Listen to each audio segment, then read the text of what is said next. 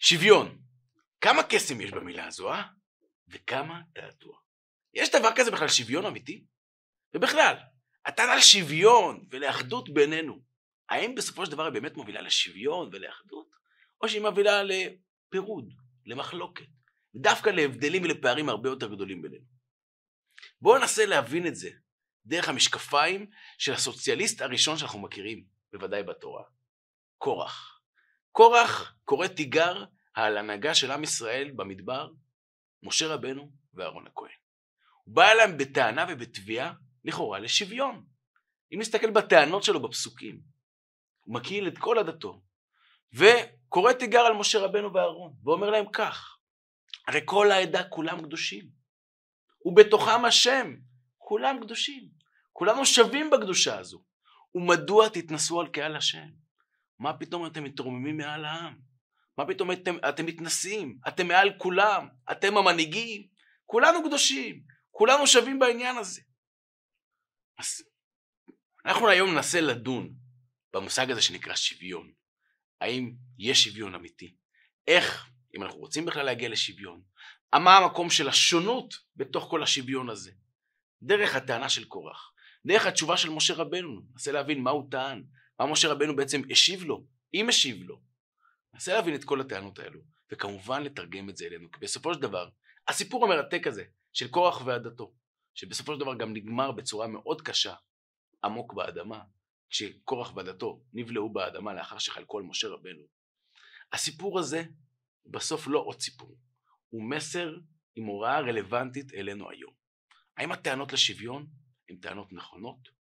האם מובילות באמת לשוויון, או שהן מובילות להפך, לפערים חברתיים? אז דבר ראשון, בואו נחזור לפסוקים וננסה להבין באמת את הטענה של קורח.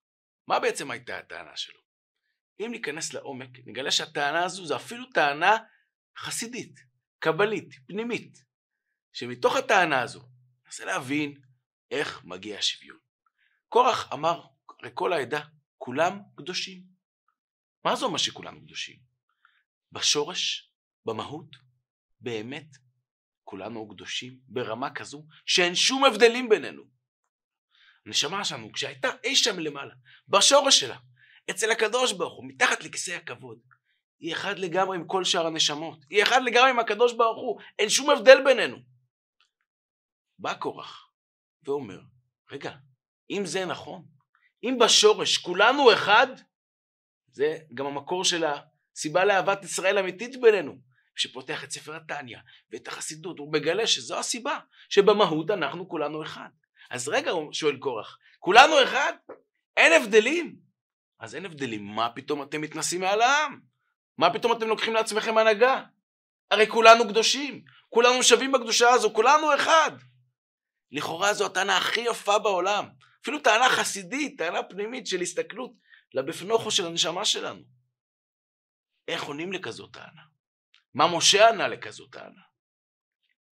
אז אם נסתכל בפסוקים, לא נגלה תשובות מפורשות של משה רבנו.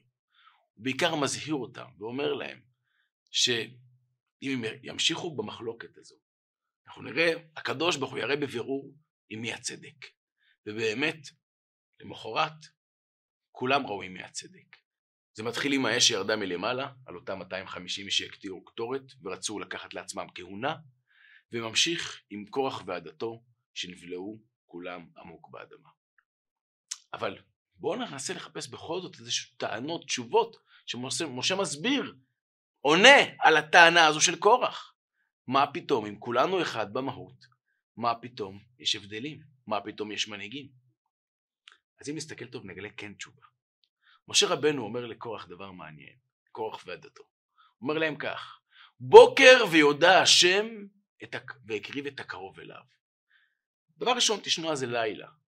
אל תרוצו מהר מאוד עם המחלוקת הזו ועם הרצון לקחת לעצמכם את ההנהגה. תחשבו על זה שוב, רגע לפני שאתם קופצים לתוך המחלוקת. זה בפשטות מה שהוא אמר לי. אבל אם נסתכל בעומק, בוקר ויודע השם, בבוקר דווקא, הקדוש ברוך הוא יודיע והקריב את הקרוב והקריב אליו. מי שאמור להיות קרוב, מי שאמור להנהיג, אותו הקדוש ברוך הוא יראה מול כולם שהוא זה שאמור להנהיג. מה המסר כאן? אם נפתח את רש"י, הפרשן, על המקרא, על הפרשה, תסתכל שם, פירוש מאוד מעניין. אומר רש"י, למה דווקא בוקר ויודע השם? הוא אומר כך, מצטט מתוך המדרש, מתוך חז"ל. גבולות חילק הקדוש ברוך הוא בעולמו. כשהקדוש ברוך הוא ברא את העולם, הוא עשה כאן חלוקת תפקידים. יש מקום לערב ויש מקום לבוקר. לכל דבר, לבוקר ולערב, לכל אחד מהם, יש את המקום ואת הזמן המדויק שלו ואת התפקיד שלו. הוא אומר לך, כמו שאתה לא יכול להחליף בין הבוקר לערב, כמו שהבוקר לא יום אחד ירצה להיות ערב, ושהערב לא יגיד, אוקיי, אני עכשיו אהיה בוקר. כמו שלכל אחד יש תפקיד מדויק משלו. כך גם לנו יש תפקיד מדויק משלנו. אתם עכשיו רוצים ליטול לעצמכם כהונה? רוצים לקחת לעצמכם תפקיד שהוא לא שלכם, במקום התפקיד שלכם. אתם חוטאים לתפקיד שלכם. אתם לוקחים תפקיד שהוא לא שלכם.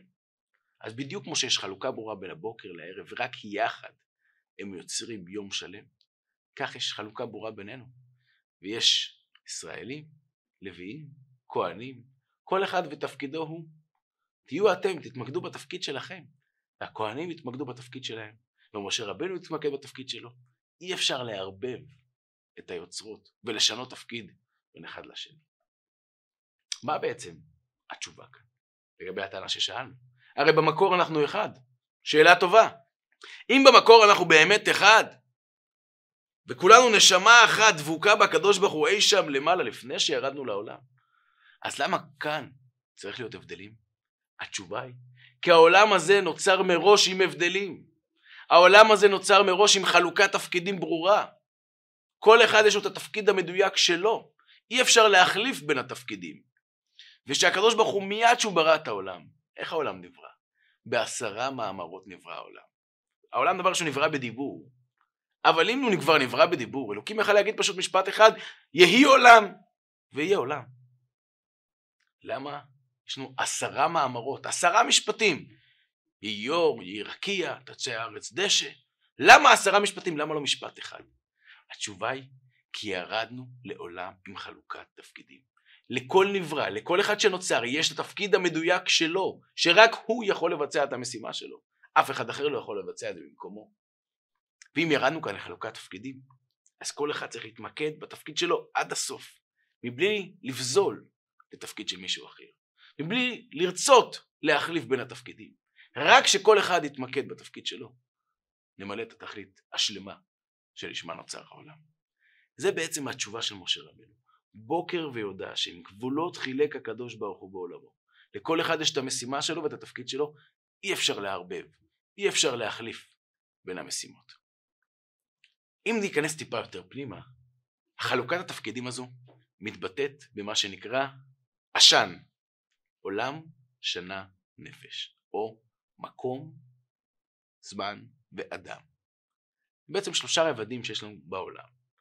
ובכל שלושת הרבדים האלו נראה את חלוקת התפקידים הזו, ובהתאם את חלוקת הקדושה הנדרשת לכל תפקיד ותפקיד. אם אנחנו מדברים על עולם, על מקום, אז אנחנו יודעים שארץ ישראל נתקדשה מכל הארצות, היא יותר קדושה מכולם. בארץ ישראל עצמה יש לנו את ירושלים שקדושה יותר מכל ארץ ישראל, וכן הלאה. יש את בית המקדש, הר הבית, בית המקדש, בתוך בית המקדש עצמו יש הבדלים בין הקדושה. המשנה מונה עשר מעלות של קדושה שונות מהקדושה של ארץ ישראל כל הארצות ובתוך ארץ ישראל עצמה. יש קדושות שונות לכל מקום. למה? כי לכל מקום יש את הייעוד שלו ואת התפקיד המדויק שלו. אז זה בעולם. איך זה בשנה? איך זה בזמן? גם כן. יש לנו את ימי החול, שתפקידם לעבוד בעבודת היום יום. יש לנו את ימי החג, המועד. החגים יש להם את הקדושה שלהם. יש לנו את השבת, קדושה יותר גבוהה. ויש לנו את שבת שבתון, יום הכיפורים, כולם מכירים. אז לכל יום יש את הקדושה שלו, כי יש לו את המשימה שלו. מה שצריך לעשות באותו יום בדיוק. אז אם זה בעולם, במקום, ואם זה בשנה, בזמן, זה גם בנפש, גם באדם, גם אצלנו בעם ישראל יש חלוקת תפקידים. כמו שאמרנו, יש ישראלים, יש לוויים, יש כהנים, יש כהן גדול, לכל אחד יש את המשימה שלו, יש את התפקיד המדויק שלו, וכל אחד צריך להתמקד במשימה שלו. וכן, יש גם הבדלים כביכול ברמות הקדושה הגלויות יותר, בהתאם למשימה האישית שלהם. אם יש לך משימה מסוג A, אתה צריך להטעין את עצמך בכוח אנרגטי כזה של קדושה מסוג A. אם יש לך מסוג B, אתה צריך לפעול יותר, ולהקדיש את כל החיים שלך להשם כמו שהכהנים, אז צריך רמת קדושה גבוהה יותר. מה זה אומר? זה אומר שלכל אחד יש משימה משלו. כל אחד יש את התפקיד שלו, זה הכל. ורק כשכל אחד יבצע את המשימה שלו, באמת, רק אז באמת יוכל להיות שלום בעולם. וזה, למרבה האבסורד, מה שקרה אצל קורח. כשהוא רצה לערבב בין התפקידים, לכאורה טענה לשוויון, לשלום, לאחדות, כולנו שווים, אז לכאורה זה מה שמאחד בינינו. מה זה גרם? למחלוקת.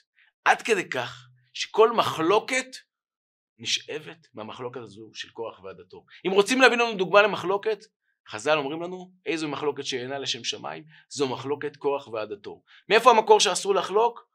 לא יהיה ככוח וכעדתו. זה המקור שצריך להימנע ממחלוקת עד קצה האחרון. למה? הוא טען לשלום, הוא טען לשוויון, הוא טען לאחדות. הוא טען לערבוב היוצרות. הוא טען לערבוב התפקידים.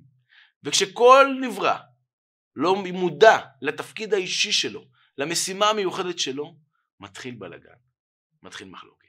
אבל אם כל אחד יודע את המשימה המיוחדת שלו, והוא יודע שזו המשימה הכי מיוחדת שיש, אין משימה יותר מיוחדת ממנה בעולם מהמשימה שלי. זה השיא. זה השיא, כי אין שיאים, שיא מסוים שאליו צריך לשאוף, שיא מסוים שאליו צריך להגיע. השיא הוא המשימה האישית שלי. כשאני אעלה למעלה, לא ישאלו אותי למה אני לא הייתי אברהם אבינו או משה רבנו. ישאלו אותי למה לא הייתי שניאור. למה לא, למה לא ביצעתי את המשימה האישית שלי. המשימה שלי לבצע את המשימה שלי הכי טוב שבעולם. ופה הייתה הטעות של קורח. אבל אני רוצה להמשיך עם משה רבנו. עם הרעיון הזה שצריך לחלק ולכל אחד יש את התפקיד המוגדר שלו. האם אז כן נוצר שלום? עדיין לא מספיק.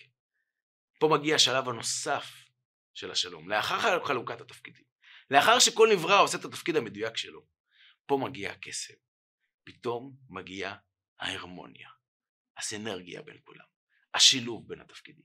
כי לא מספיק שרק כל נברא יעשה את התפקיד שלו, אלא צריך פה יחסי גומלין בין הנבראים עם התפקידים השונים.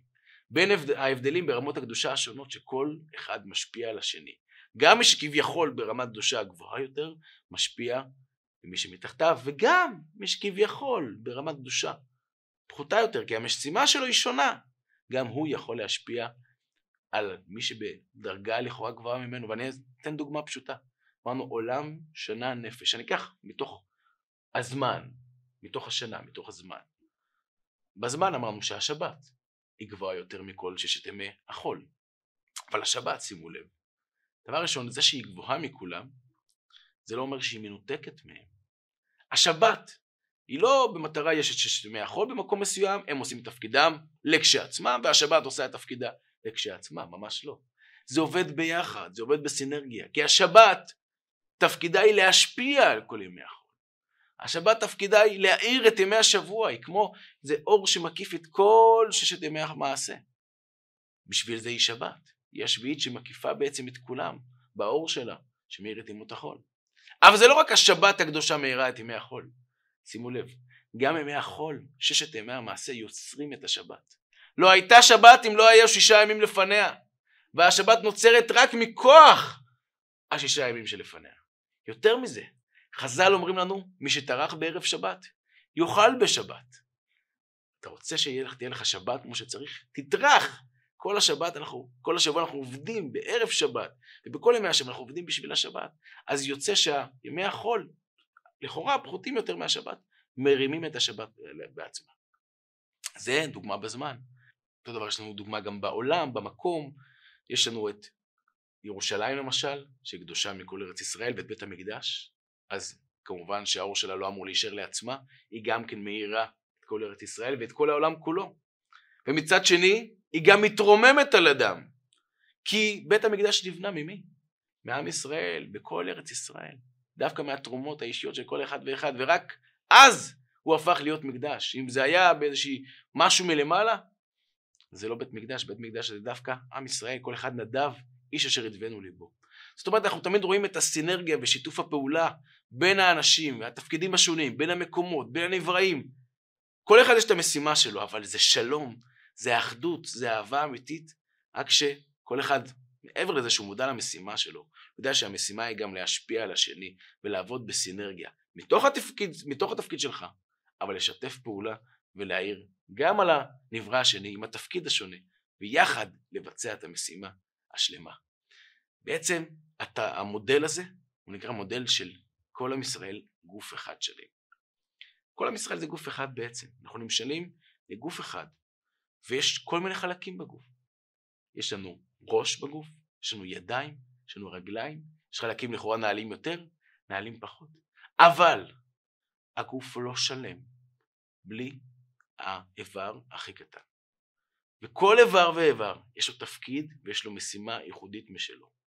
ובדברים מסוימים הרגל הוא הראש של הראש. מה זאת אומרת? הרגל יש לו מעלה על הראש. יש משהו שהראש לא יכול לעשות, הראש לא יכול להתקדם קדימה, רק הרגל מוביל אותו קדימה.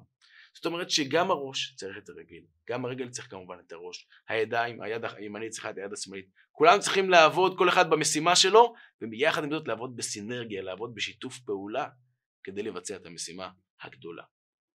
אני רוצה לספר לכם סיפור שימחיש את המושג הזה, שקצת ירגיע את התחרות שיש לנו.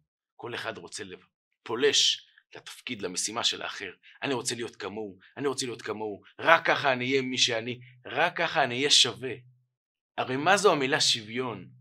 למה אנחנו כל כך רוצים את הדבר הזה שנקרא שוויון? מה הקסם שבה? לדעתי, בגלל ששוויון זה המילה שווה. השוויון לכאורה, מה שאני רוצה שהוא יעניק לי, זה שאני שווה. שיש לי ערך, שיש לי משמעות, שאני לא סתם כאן בעולם. אז אני רוצה שוויון כדי להרגיש שווה. אבל הטעות שלי, שאני לא שווה על זה שאני משווה את עצמי למישהו אחר. אני אהיה שווה באמת רק כשאני אתבונן בתוכי פנימה. אני אבין מה המשימה האישית שלי, מה הייחודיות שיש לי שאין לאף אחד אחר. ורק אז אני אהיה שווה. אני לא בתחרות עם אף אחד. אני לא בתחרות עם אף משימה אחרת, עם אף נברא אחר, עם אף יצור אחר בעולם. אני בתחרות רק עם עצמי, כדי להוציא את כל מה ששווה בי, את כל המעלות, את כל הכישורים המיוחדים שלי, להוציא אותם אל הפועל ולבצע את המשימה שלי כאן. זה המושג שוויון, זה הרצון, משם אנחנו רוצים להיות שווים כדי להרגיש בעלי ערך. ואני רוצה לספר לכם סיפור על בחורצ'יק כזה, שהרגיש שהוא לא שווה, שהרגיש שאין לו ערך. הבחור הזה למד בישיבה, והייתה לו משימה, להיות תלמיד חכם, להיות גדול הדור. הוא לא למד בישיבה, מה שנקרא מהזרם החסידי, אלא בישיבה מהזרם הליטאי, והוא חלם, הוא גדל על האתוס הזה של גדול הדור. אני רוצה להיות גדול הדור. אבל מה? הייתה לו יראת שמיים, היה לו רצון, אבל כישורים, לא משהו. לא כל כך הצליח בלימוד. וכמה שהוא ניסה, כמה שהוא חלם, והוא בעצמו במשפחה כזו של גדולי ישראל, ראשי ישיבות, הוא רצה להיות גם, אבל לא הלך לו. הוא היה מאוד ממורמר ומאוד מתוסכל ושיתף בזה קצת את הבחורים בישיבה ואת הצוות, את הרבנים, את ראשי הישיבה, הוא מדבר עם כולם, והם כולם מנסים לנחם אותו. חלק אומרים לו, אין דבר העומד בפני הרצון. אם תרצה באמת אתה תצליח, ומספרים לנו בו כל מיני רבנים וגדולי ישראל שלא היו להם כישרונות ובכל זאת הצליחו, אבל הוא לא מצליח, כמה שהוא לא מנסה. אז אחרים אומרים לו, לא נורא, יש כל אחד ותפקידו בעולם, אז אתה לא תהיה בתפקיד היותר טוב, לא תהיה בתפקיד היותר מוצלח, שזה גדול הדור, תהיה אולי עוזר של גדול הדור, אולי תהיה מאלו שתומכים בתורה, שיש להם את הזכות של התורה, אבל גדול הדור, רב בישראל, לא תהיה. כמה חבל. וזה תמיד צבט לו, זה תמיד כאב לו. ואז בעצת חבר שקצת התקרב לחסידות חב"ד, הוא כתב אל הרבי מלובביץ', והרבי ענה לו מכתב מדהים. הרבי אמר לו, מי אמר שיש משימה אחת, יעד אחד, שכולנו צריכים לשאוף אליה? בעצם מה שאומר לו הרבי, בתורה שלי אני לא מכיר משימה כזו. להיות רב בישראל, גדול הדור, זהו, זו המשימה היחידה שכולנו צריכים לשאוף אליה? ממש לא. אני מכיר משימה אחרת. המשימה שאני מכיר, אומר לו הרבי, זה אני נבראתי לשמש את קולי. אני ירדתי כאן לעולם הזה כדי לבצע משימה. מהי המשימה? המשימה שלי. אני נבראתי עם הכישורים שלי, עם היכולות שלי, לא של אף אחד אחר. כדי לא כדי להיות גדול הדור, גם לא כדי להיות העוזר של גדול הדור, כדי לשמש את קוני, כדי לבצע את המשימה שלי, כדי לבצע את השליחות שלי. אז לפי הכישורים שלי. כמובן צריך להתאמץ ולהילחם, אבל לדעת שלכל אחד יש את המשימה שלו. אין משימה אחת לכולם. וכשהוא עושה את המשימה שלו, זה לא, לא נורא תקבל משימה פחותה. זו המשימה הכי גדולה. זו המשימה הכי נפלאה, כי אתה, אתה מיצית את הכישרון שלך. וזה יהיה הרבה יותר טוב. אתה, אתה, אתה עושה את זה הרבה יותר טוב מאשר הבחור שיש לו כישרונות, אבל הוא לא מנצל אותם כמו שצריך. אז הוא קצת מצליח אפילו יותר ממך, והוא יכול שהוא יקרא רב בישראל, אבל לא, אם הוא לא מיצה את הכישרונות שלך, ואתה מיצית את הכישרונות שלך עד הסוף, אתה ביצעת את המשימה שלך, של אני נבראתי לשמש את קולי, בשונה ממנו. זה בעצם הרעיון. הרעיון הוא שאין משימה אחת, אין מודל אחד. אפשר לדבר את זה על בין גברים לנשים, יש אולי איזה מודל גברי כזה שכולנו שואפים אליו ורוצים להיות כמותו, ואז בעצם אנחנו לא נהיים באמת שווים בעלי ערך, כי אנחנו מנסים להיות באיזשהו מודל אחר שהוא לא שלנו, אבל שכל אחד יודע שלא יש משימה, רואה מה בעצם המשימות שהספר ההוראות שלנו כאן בעולם, התורה נתנה לנו בעצם, וכל אחד מסתכל על המשימות שלו, הוא אומר אוקיי זו המשימה שלי, אני אעשה אותה עד הסוף, אני עושה אותה בצורה הכי מושלמת שיש, אני נבראתי לשמש את קוני, יש לי משימה שרק אני יכול לבצע, בצורה הכי מיוחדת שבעולם, כשאני אבצע אותה, אני מגיע לפסגה. אין, לא בתחרות עם אף אחד אחר. אני אעשה את המשימה שלי הכי טוב, אני הגעתי לפסגה. אני שווה, לא לאף אחד אחר. אני שווה כי אני בעל ערך, כי אני מבצע משימה אלוקית כאן בעולם הזה. משימה שרק אני ולא אף אחד אחר יכול לבצע אותה. זה המסר שלנו, מתוך הדיון הזה, מתוך המחלוקת שהייתה של קורח ועדתו על משה רבנו. כשקורח בא עם הקריאה לשוויון, הוא בעצם קורא לטשטוש ההבדלים ולטשטוש הייחודיות שלנו. וכשמשה רבנו דוחה את הקריאה הזו, לא עם מקום שאנחנו לא שווים, אנחנו שווים, שווים אין סוף, אבל אנחנו שווים כל אחד כלפי המשימה שלו. אף אחד לא צריך להיות שווה לאף אחד אחר. כל אחד צריך להיות שווה למשימה שלו. וכשאנחנו מתמקדים במשימה שלנו, אנחנו עושים אותה הכי טוב שבעולם. אנחנו הכי שווים בעולם. אל תיתנו לאף אחד לטשטש את הייחודיות שלכם. גם לא בשם השוויון. תהיו שווים באמת. אתם שווים באמת. תבצעו את המשימה שלכם הכי טוב שבעולם. כי רק אתם יכולים לבצע אותה. בהצלחה.